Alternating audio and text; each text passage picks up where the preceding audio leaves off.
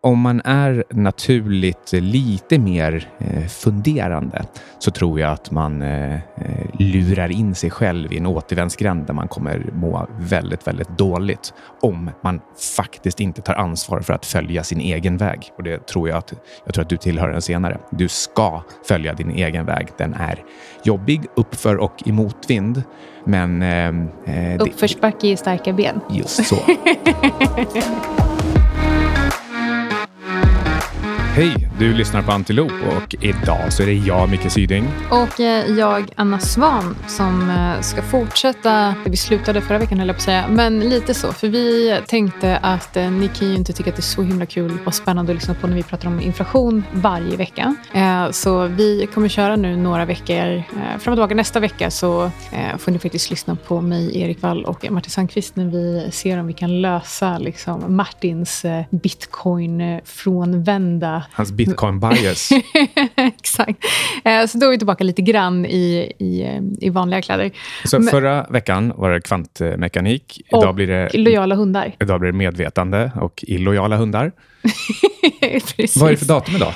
Det är den 24 mars. Tror vi. Onsdag. Ja, precis. Och eh, jag flyttar till hus på onsdag nästa vecka. Kul för dig. Var det ett fritt val? Vi ska komma till det. Det, är faktiskt, det står faktiskt sist på, eh, sist på dagens lista.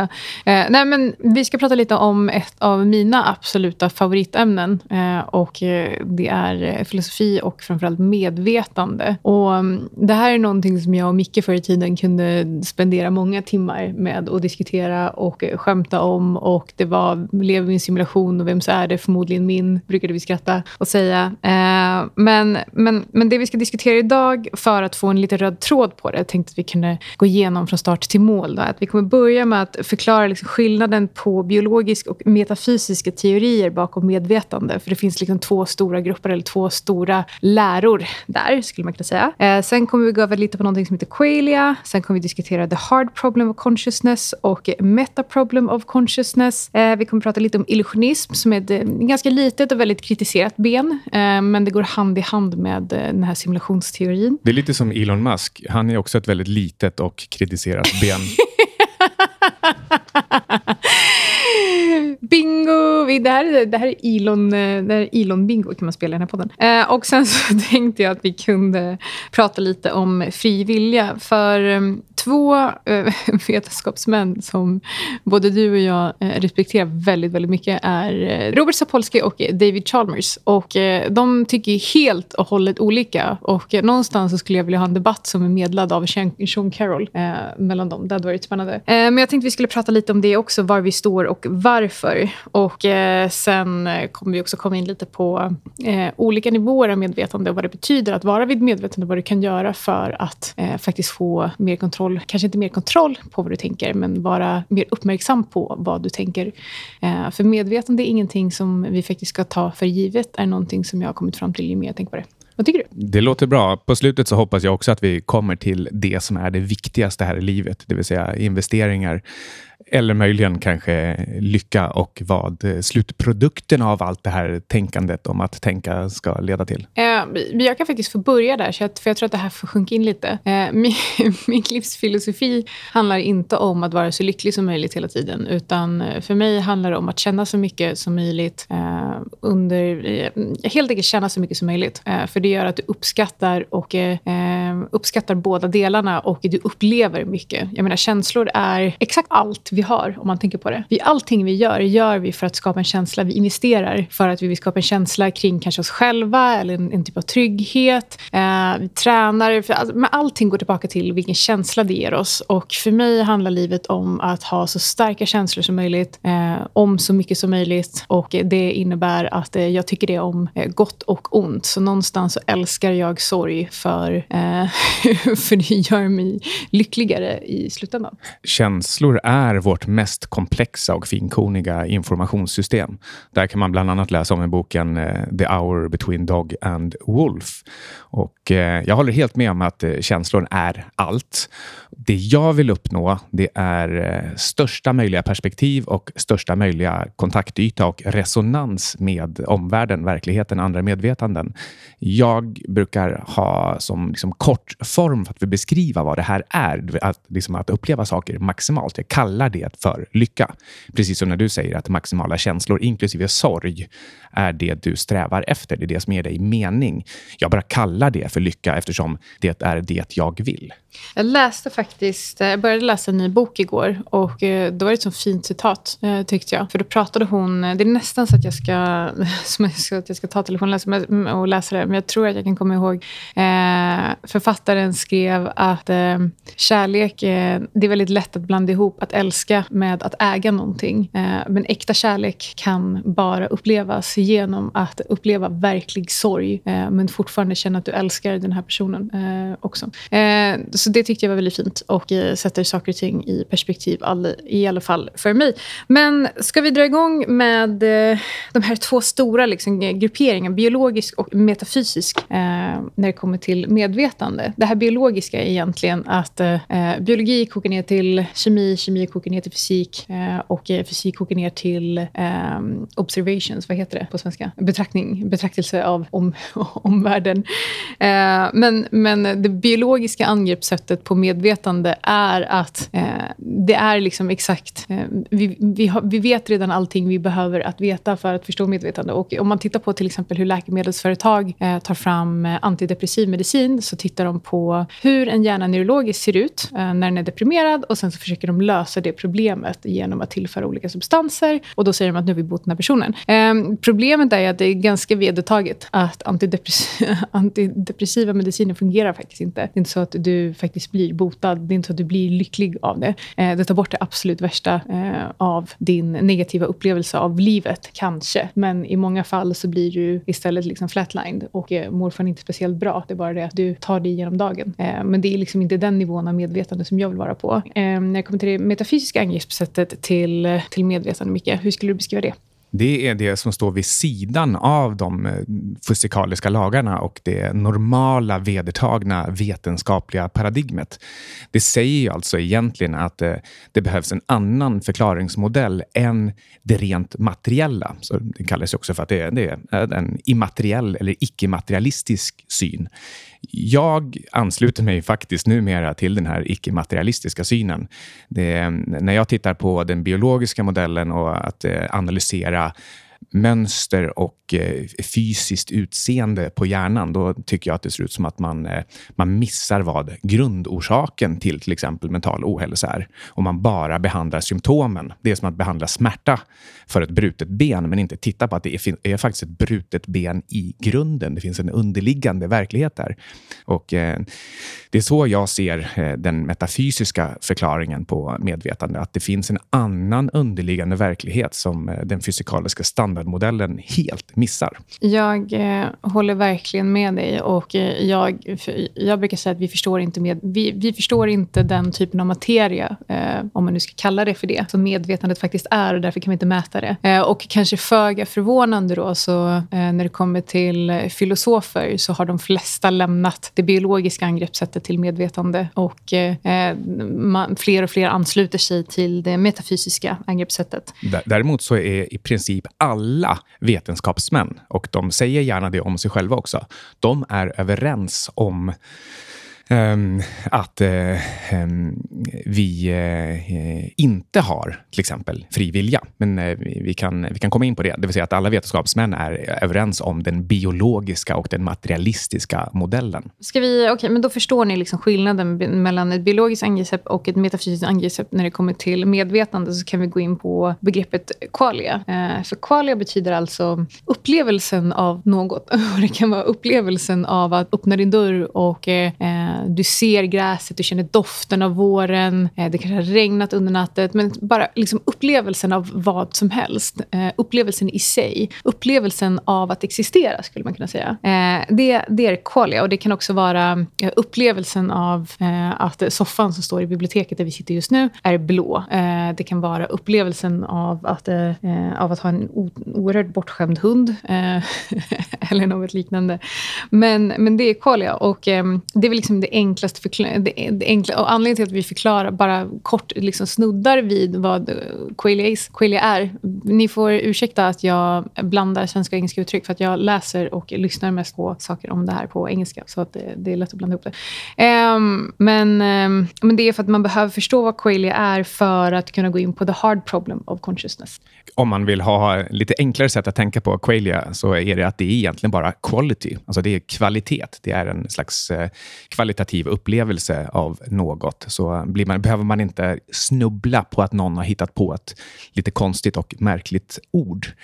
Um, och um, Att det är lite märkligt, alltså på ett sätt så är det ur det materialistiska perspektivet bara ett smart informationssystem. Om jag ser en, en blå soffa, eller en blå blomma eller någon, någon växt eller någonting och jag har en upplevelse av vad det är att, eh, att, att se eller vara i närheten av det här materialet, då, då kan jag mycket snabbare fatta ett korrekt beslut som främjar min överlevnad. Men sen finns det ju nästa nivå också, eller, eller en annan tolkning av det och det är själva upplevelsen av att vara just jag. Av att, att jag är någon slags eh, eh ting. Eh, och man kan eh, till exempel då fråga sig, är det någonting att vara en sten? En del svarar direkt nej. Är det någonting att vara ett vattendrag? Då svarar en del också nej.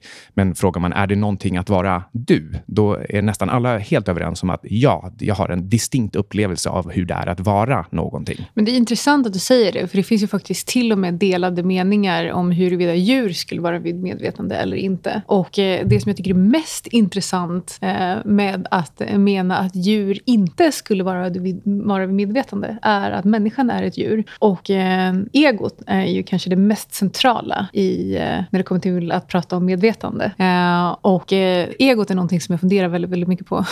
men, men jag funderar på vilken typ av ego behöver du ha för att tro att ditt medvetande är unikt och att eh, andra djur saknar det? Ja, och det finns ju en annan eh, fråga här också, nämligen det lär finnas en, en glidande skala i grad av medvetande, både mellan olika människor och sen mellan olika djurarter. Och varför skulle det här ta ett plötsligt stopp bara för att du minskar mängden neuroner och tar dig till exempel en, en växt, en köttätande växt eller en, vilken växt som helst och sen faktiskt ner till vattendraget och stenen. För i grund och botten, om man har den här materialistiska synen, så är det eh, små partiklar eller vågfunktioner. Eller vi kan kalla det för små stenar som cirklar runt varandra. Om en död sten inte är någonting, varför skulle då två döda stenar som snurrar runt varandra uppleva något, att, att, att vara något? Varför skulle det mönstret uppleva någonting? Och sen gör du det till ett vattendrag. Varför upplever det då någonting? Men vi ska komma in lite mer på det, men jag tänker att vi kan beskriva the hard problem of consciousness först. Uh, för Qualia var precis som vi diskuterade innan, uh, upplevelsen av något. Och uh, the hard problem of consciousness är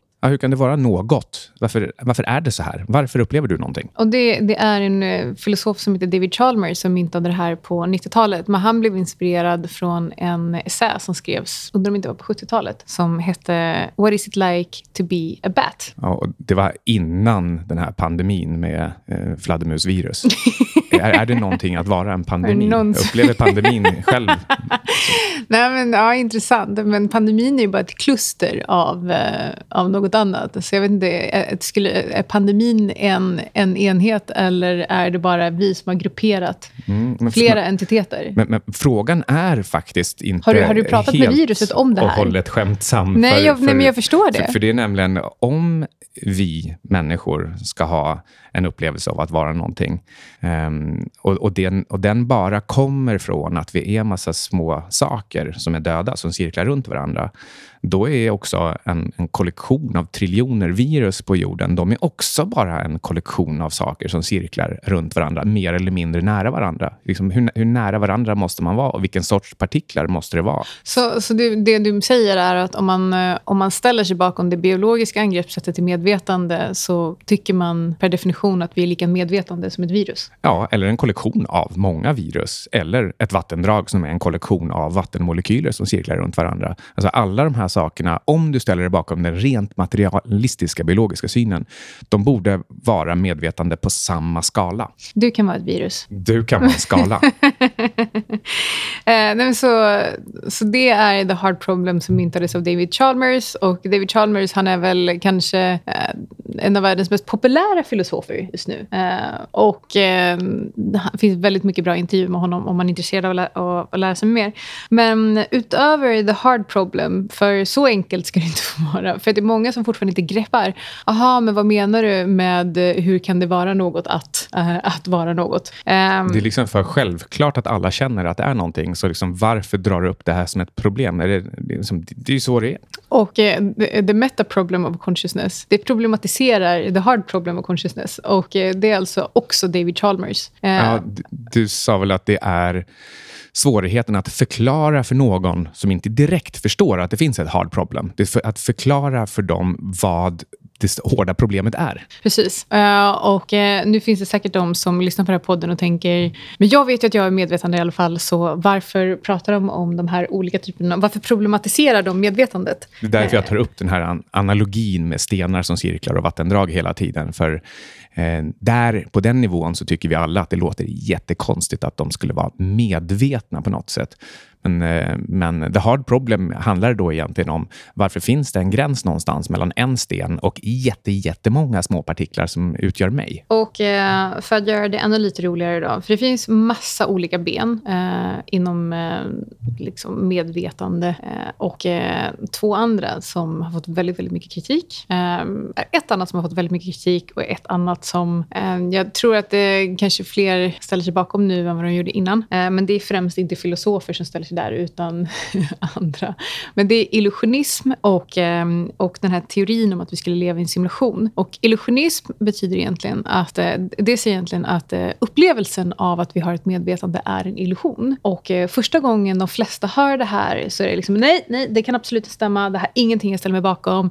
För jag, jag känner att det, min upplevelse av verkligheten är på riktigt. Så man vill, liksom man vill inte ens försöka greppa vad illusionism är för att det går så himla starkt emot eh, vår instinkt av att, av att vara vid medvetande. Men eh, inom illusionismen då, det, de säger också att det är inte så att din upplevelse blir mindre, eh, blir mindre verklig för att medvetandet i sig är en eh, illusion. Ehm, och, eh, men det får väldigt, väldigt mycket kritik, eh, illusionismen. Och David Chalmers, för att knyta till honom igen, han har faktiskt skrivit en artikel eh, som heter typ Debunking eh, illusionism. så, Eh, Allt är för övrigt en illusion eller en VR-simulering. Eh, hur materialistisk man än är så eh, bildas kan man säga, verkligheten, den jag upplever, alltså det, det som jag upplever som, som hårt och äkta och allting som händer, det är en rendering i min hjärna som görs på ett, ett rätt så märkligt sätt utifrån små enkla symboler som sen sätts ihop och bara kan användas på ett praktiskt sätt för att kunna överleva, för att skaffa mat och eh, partners för, för att skapa nästa generation. Nu är du inne på, den på det biologiska benet igen. Ja, men framförallt inne liksom på att det är, alltså vi är, vi lever, jag lever redan i en illusion. Jag har en, en, en hjärna i en svart liten låda, alltså innanför skallbenet. Den får in lite konstiga liksom, telegram eller, eller morsesignaler som den sen gör om till en fantastisk verklighet som får mig att tro att du sitter här eller att bordet framför mig är hårt, att jag kan knacka på det. Så det är, redan där är det en variant av illusion. Och sen är då med frågan illusionismen, ska vi sträcka ut det till att det som dessutom ger upphov till signalerna till min hjärna, att det också är en illusion.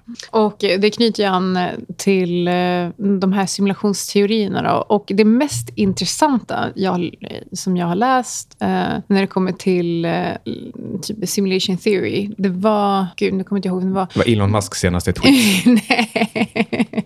eh, nej, men vi ska komma till honom också såklart, för det här är Elon-bingo. Eh, men, eh, men det var, undrar om inte det kanske var var en intervju som Sean Carroll gjorde. Uh, Sean Carroll har en podcast som heter Mindscape och det kanske är världens bästa podcast. Det är definitivt en av mina absoluta favoritpodcasts i alla fall. Och då bjöd han in någon som, uh, som tror på uh, simulation. Men, men det den personen lyfte upp då, som jag tyckte var så himla intressant är att i en simulation som skapas i en typ av värld så kan du inte skapa en simulation med samma detaljnivå som den värld du lever i. Det är omöjligt. Och Det skulle innebära att om vi är en simulation från från en annan värld så har den världen eh, en högre detaljnivå och kanske eh, då fler dimensioner än vad vi har. Och det var liksom så här, jag tror inte, eller, eller rättare sagt, jag vet inte om vi lever i en simulation. Eh, men jag tyckte att det var en sån här grej som jag tyckte var så himla intressant att tänka på. Okej, okay, men okej, okay, men om det här är en simulation, hur, hur ser den andra världen ut då? Och om vi skapar, jag menar varje gång som vi, som vi jag vet inte, oklart vad vi gör, men varje gång vi simulerar någonting så blir det med lägre detaljrikedom eh, än, än den verklighet som vi faktiskt lever i. Och eh, Det perspektivet tyckte jag i alla fall var intressant att gå runt att eh, filosofera på. Även om jag nödvändigtvis inte ställer mig bakom just eh, teorin om att eh, vi lever i en simulation. De senaste dataspelen de närmar sig i alla fall vad våra mänskliga sinnen kan uppfatta. Kanske inte i eh, doft och textur och sånt ännu, men, men rent visuellt och eh, auditoriskt så närmar sig datorspelen liksom samma detaljnivå som, som våra ganska klumpiga köttsäckssinnen kan uppfatta. Men, men, en men det tar som... inte alls hänsyn till resten av världens riktiga detaljnivå, eller för den skull det vi tror oss veta om kvantmekanik. Nej, och en annan sak som, eh, som dataspel faktiskt inte tar hänsyn till är ju tid som passerar. Eh, tid som en dimension som passerar i vår värld. Mm. Eh, så, så, där saknas ju faktiskt den. Ja, ja men definitivt. Det finns många, många dimensioner som, eh, som saknas i datorspelen jämför med Men jag tror att det skulle kan, kanske kunna vara den viktigaste. Och om man sätter det i perspektiv, säg att vi, ponera att vi är ett väldigt avancerat dataspel. Uh, precis läst uh, Three Body Problem, om det är någon som undrar. Um, Hur långt har du hunnit? Alltså första, första boken? Första boken är klar. Uh, jag håller på med andra boken, Dark Forest. men jag vill liksom inte läsa färdigt den, för att jag tycker att författaren är ett geni. Och, ja, men jag pratade ju med dig när jag läste första. Och, jag, jag, var liksom glad hela tiden, men också lite skräckslagen, för jag vill inte att det här ska ta slut. fantastisk bok. Men, eh, fantastisk bokserie. Men, eh, men då undrar jag, vilken typ av dimension är vi Och det går, inte ens, det går inte ens för våra hjärnor att greppa vilken dimension det är som vi saknar här. Vi fattar ju inte ens det som Einstein fattar om en fjärde dimension. Alltså vi kan tänka lite på den, vi kan räkna på den, vi kan förstå att det kanske finns någonting annat. Men, men det här att, att ens tänka sig eh, alltihop som en, en fyrdimensionell rumtid, inte ens det är våra hjärnor gjorda för. Tror du att medvetandet är en typ av dimension, fast vi har inte förstått det än, så vi kan inte använda det till its fullest? Kanske inte just dimension, men jag tror att det finns en dimension där medvetandet är eh, någonting självklart, någonting self-contained, som, som där är helt uppenbart och inte behöver någon ytterligare förklaring. Att det är lite som vissa vetenskapsmän idag tänker kring eh, eh panpsykism, att den, det ingår, precis som en elementarpartikel har momentum och, och spin så kanske den också har ett protomedvetande. Alltså det är ytterligare en siffra som är, eh, som är vidhängd vid varje liten eh, eh verklighetsatom. Eh, vi, vi sa ju i början av avsnittet att vi skämtar om att det skulle kunna vara Elons eh, simulering. Och Elon själv säger ju att eh, vi lever i en simulering. Och någonstans känns det som att han försöker, försöker ge oss alla tecken han bara kan på att det är hans simulering och så köper vi det ändå inte. Han beter sig för övrigt ungefär som jag gör i mina klardrömmar. Ibland så har jag såna lucid dreams där jag faktiskt får göra vad jag vill. Och då gör jag det också. där är jag Elon. Jag, jag tänkte slänga in eh, två böcker, så blir det lite bokbingo också. Den ena, den är The Case Against Reality, som i princip tar upp att eh, vi har evolverat fram att uppfatta färre och färre dimensioner av verkligheten för att som stora makroskopiska köttsäckar kunna liksom lättare slå oss fram rent fysiskt och ta energiresurser. Och, och det är den här evolutionen som gör att vi inte längre kan uppfatta de, de, olika dimensioner som faktiskt finns tillgängliga här egentligen. Och det här ligger också bakom the desktop eh, eh, view of the universe, det vill säga att illusionen som vi då har evolverat fram att uppfatta, den är så främmande från vad som egentligen händer. På samma sätt som när du drar ikoner på en, en datorskärm.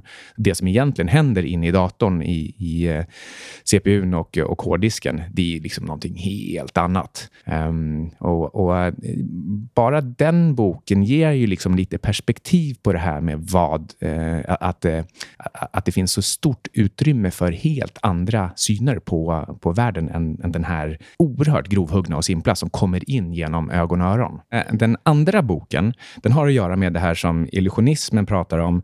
Hur kan det då kännas så himla verkligt, det vi, det vi upplever här, om det nu bara är en illusion? Det är det som många instinktivt liksom slår illusionismen ifrån sig med. Men, men då har Max Tegmark i sin bok Vårt matematiska universum, där tar han upp att en tillräckligt komplex funktion, alltså en ren matematisk funktion, den kommer uppleva sig själv som, liksom precis så hårt verklig som vi upplever att verkligheten är. Alltså funktionen själv kommer uppleva sig som, som, som hård och verklig. Um, vad heter den boken? Um, vårt matematiska universum. Så, eh, sa du det av fri vilja? Det är ju högst oklart, men om jag inte sa det av fri vilja, då är det en mycket märklig determinism som försiggår här. alltså, hur kan vi ens sätta oss här och ha den här konversationen ifall den var helt och hållet förutbestämd av hur liksom, elementarpartiklarna eller vågfunktionerna eh, samverkade, av, av rent materialistiska fysikaliska lagar? Jag, eh, eh första gången som man eh, som jag stötte på eh, frivilliga och faktiskt eh, förkovrade mig i det, så gjorde jag som alla andra som jag misstänker stötte på det här första gången och säger det är klart vi har. Eh, och sen så tror jag, jag, jag, vet inte, men det känns som att alla går igenom samma sak. Man börjar med det är klart vi har, nej det har vi inte. Ja, och sen, man blir helt benhårt övertygad. Det är klart vi inte har. Det finns inget utrymme för frivilliga. Eh, och sen så går man, eh, sen, sen så efter ett tag, liksom, när man har eh, fått marinera det lite, så är min slutsats att, eh, som jag sa i början på det här avsnittet, vi förstår inte eh, den materia som, eh, som medvetande är och därför kan vi inte säga om vi har fri vilja eller inte. Eh, från ett biologiskt angreppssätt så självklart har vi ingen fri vilja. Eh, från det metafysiska eh, så är det fortfarande liksom olika uppfattningar huruvida vi har fri vilja eller inte. Jag säger vi vet inte och det är omöjligt att veta för vi förstår inte vad medvetande är och vad det är som gör oss medvetande. Eh, så jag vet vet inte om vi har frivilliga eller inte. En angränsande fråga det är evolutionen som vi brukar se på den. Den är inte slarvig eller slösaktig. Vi har i alla fall upplevelsen av ett medvetande. Vi har någon slags qualia. Vi har definitivt en oerhört tydlig upplevelse av fri vilja.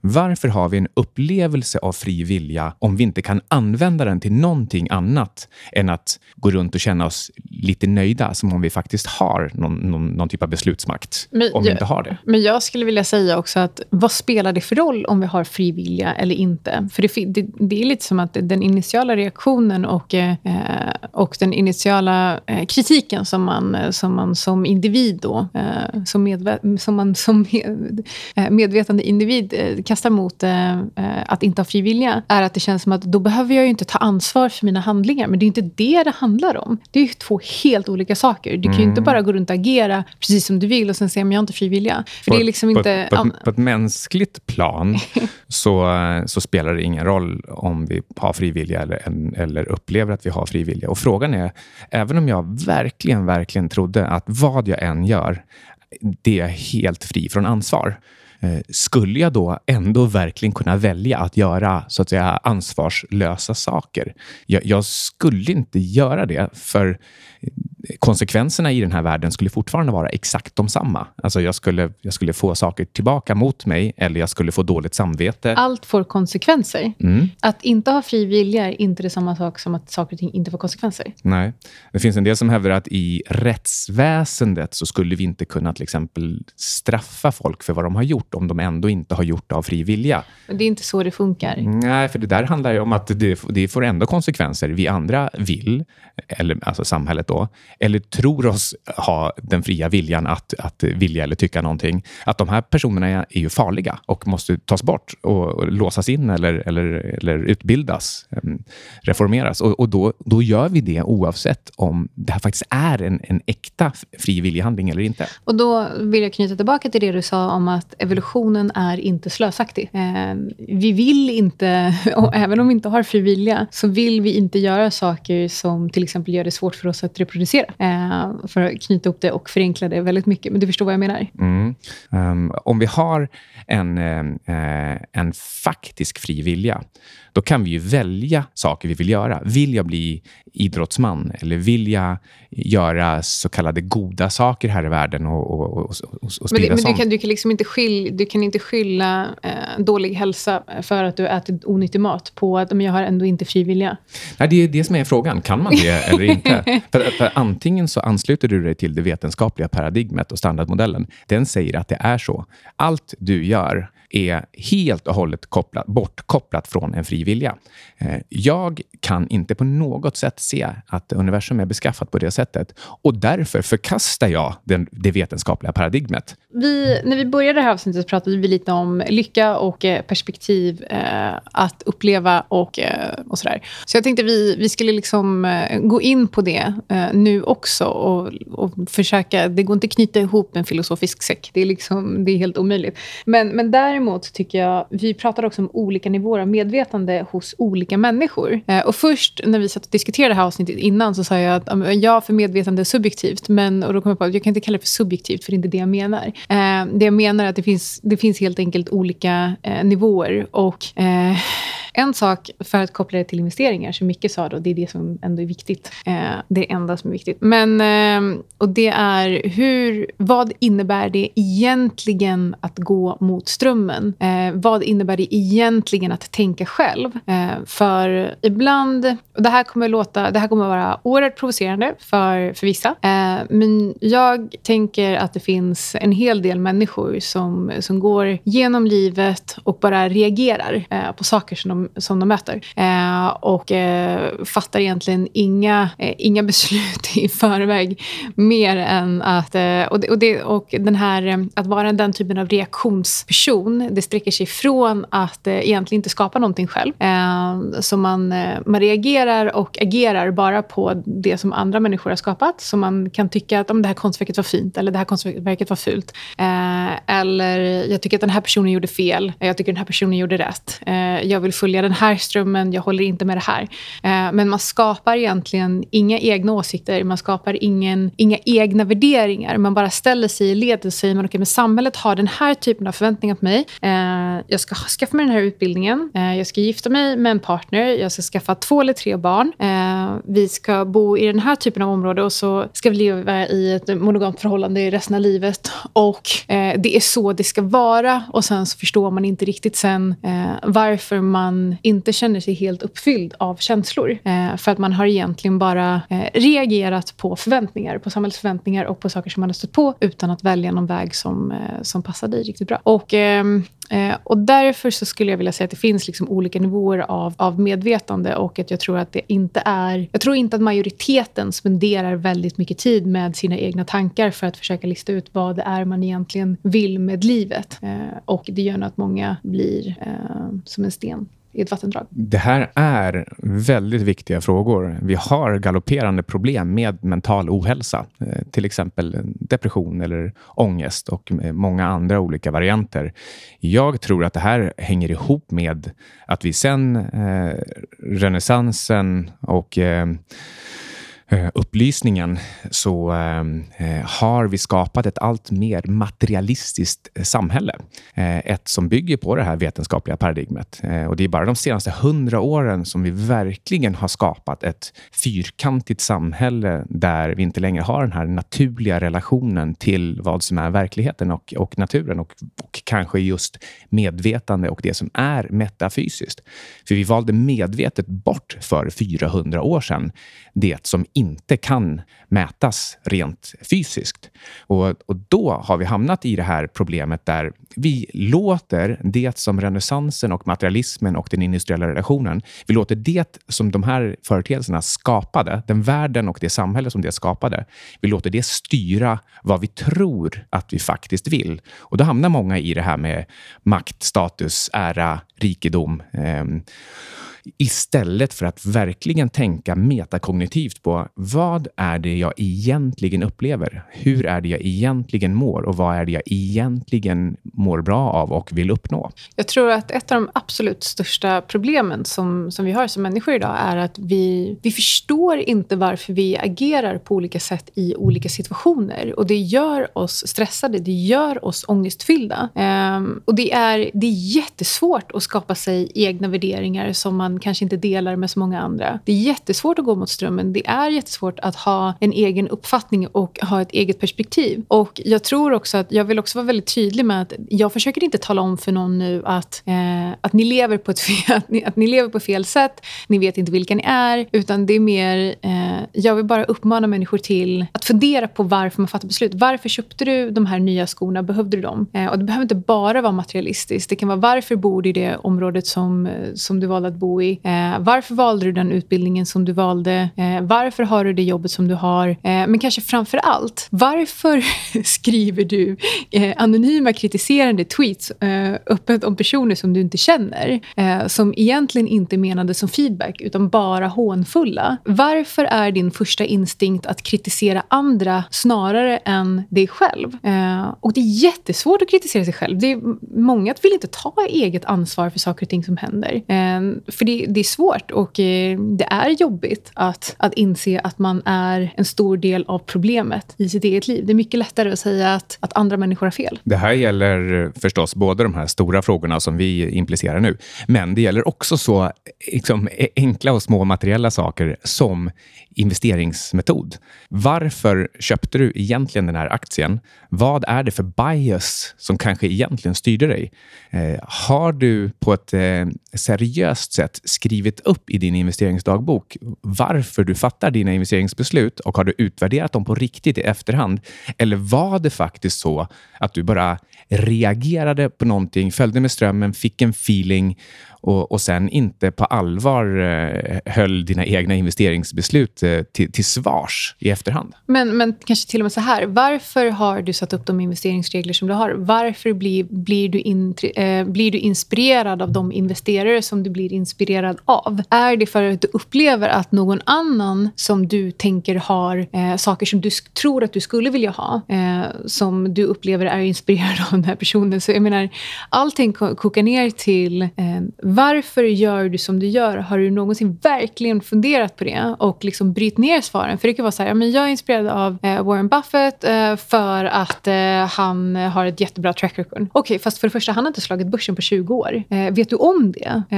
Och, och vad är då, liksom, vad är då, då din nästa motivationspunkt? men han, han är en värdeinvesterare och det vi anser är bra. Okay, men varför föredrar du värde framför tillväxt? Varför föredrar du värde framför tillgångsallokering? Så allting måste hela tiden kokar ner till varför känner du på ett visst sätt? Varför fattar du beslut på ett visst sätt? Och, eh, och det, är, det är svårt att svara på de här frågorna, för man vet ju själv eh, när man pratar med en annan person som ifrågasätter dig, hur, eh, i vilken försvarsställning som man hamnar i eh, i, eh, i vanliga fall.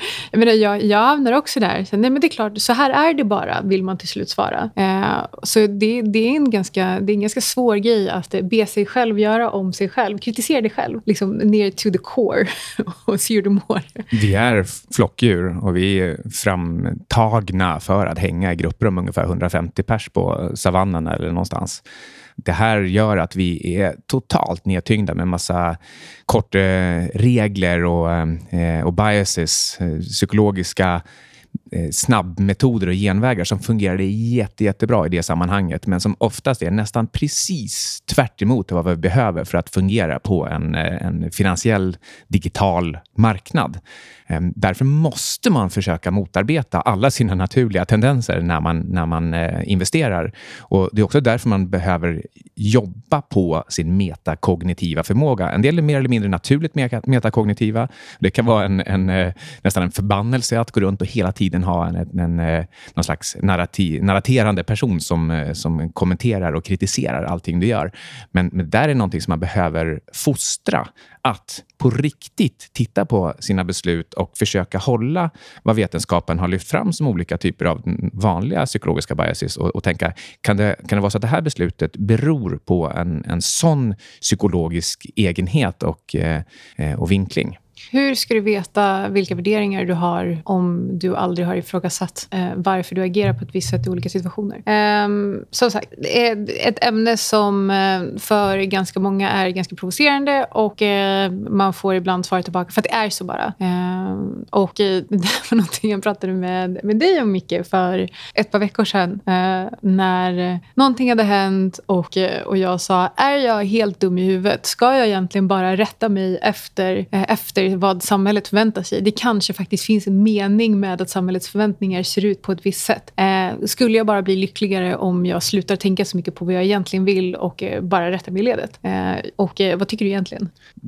Nej. Um, jag tror i och för sig att för väldigt, väldigt många så passar det utmärkt att rätta in sig i ledet och eh, anpassa sig bara till dem som samhället är och, och eh, följ, följ känslan som, eh, som hela den här situationen skapar åt dig. Men om man är naturligt lite mer funderande så tror jag att man lurar in sig själv i en återvändsgränd där man kommer må väldigt, väldigt dåligt om man faktiskt inte tar ansvar för att följa sin egen väg. Och det tror jag att, jag tror att du tillhör den senare. Du ska följa din egen väg. Den är jobbig, uppför och i motvind. Men... Eh, Uppförsbacke i starka ben. Just så. eh, men det ger ett väldigt stort spann över saker som man känner. Och eh, när, jag väl, för, för, när jag väl kom underfund med att men det är det som är meningen med allt, eh, att känna, eh, på gott och ont. Eh, och eh, det har gjort att även när jag upplever saker som är oerhört jobbiga så tänker jag att så liksom jag, jag försöker inte stänga ute det, utan jag går liksom djupt in i det och eh, låter mig själv eh, vara liksom mörk. På tal om starka ben så är det ju precis så det är när man tränar. Att det är de sista repsen när det gör ont på riktigt som är de som man gillar. De har ju, du har ju liksom fått lägga massa tid och ansträngningar på att komma fram till de där sista repsen och det är de som ger något. Ser fram emot att få göra reps igen. jag tränar inte så mycket just nu. Um, ja, men och, och ditt uh, största mål, uh, eller vad du kallar lycka, är perspektiv. Och uh, jag funderar på, skulle du säga att okulism är en bra översättning på det? Ja, och eh, okulism är alltså eh, the awareness of the smallness of your perspective. Eh, vilket alltså betyder att eh, vi kan inte dra någon som helst eh, meningsfull slutsats, slutsats om någonting för vi har inte all information. Och det stämmer ju med finansiella marknader också, för marknaden är inte effektiv. Nej, och den, i och med att den också är reflexiv så utvecklas den hela tiden, vilket gör att du kan inte en gång för alla bara sätta ner någon slags regel för hur den fungerar, utan så fort du har eh, satt ner ett system så vet du att det går alltid att ta ett steg till åt sidan och, eh, och få en, en, en, annan vinkel, ett annat perspektiv på hur det egentligen fungerar och då kan man använda det därifrån. Och om du inte gör det och inte hänger med, då hamnar du istället efter och eh, missar vad som egentligen försiggår. Ja, ska vi köra en disclaimer? Vilka av bolagen som vi har diskuterat idag har du i portföljen? Jag har läst alla böcker vi har pratat om. En sista rekommendation med bok. Hurra! Hurra! Anna bara ser så skeptisk på mig. Nej, vadå? The Master and His Emissary. Det är för mig den ultimata boken om medvetande och men vad det den, innebär att vara svår, människa. Hur, hur svårtuggad var den, Micke? Ja, den är lite svårtuggad, men, men eh, har, har, du läst den?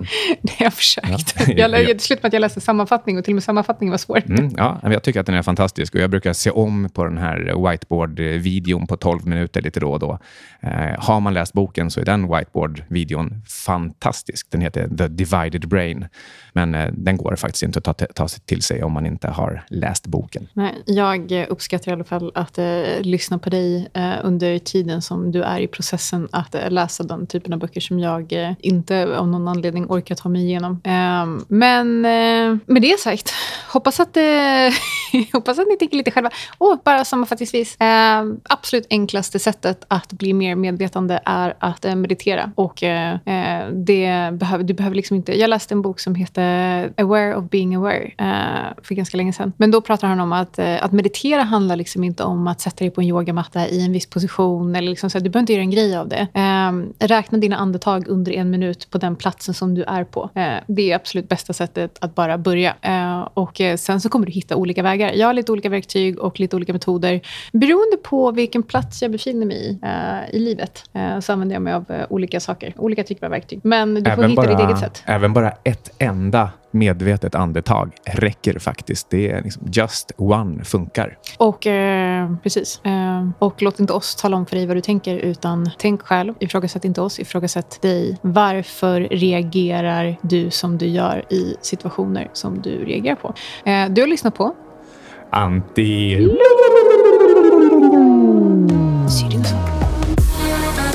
har lyssnat på Antiloop Podcast som produceras i samarbete med Vexatom Media.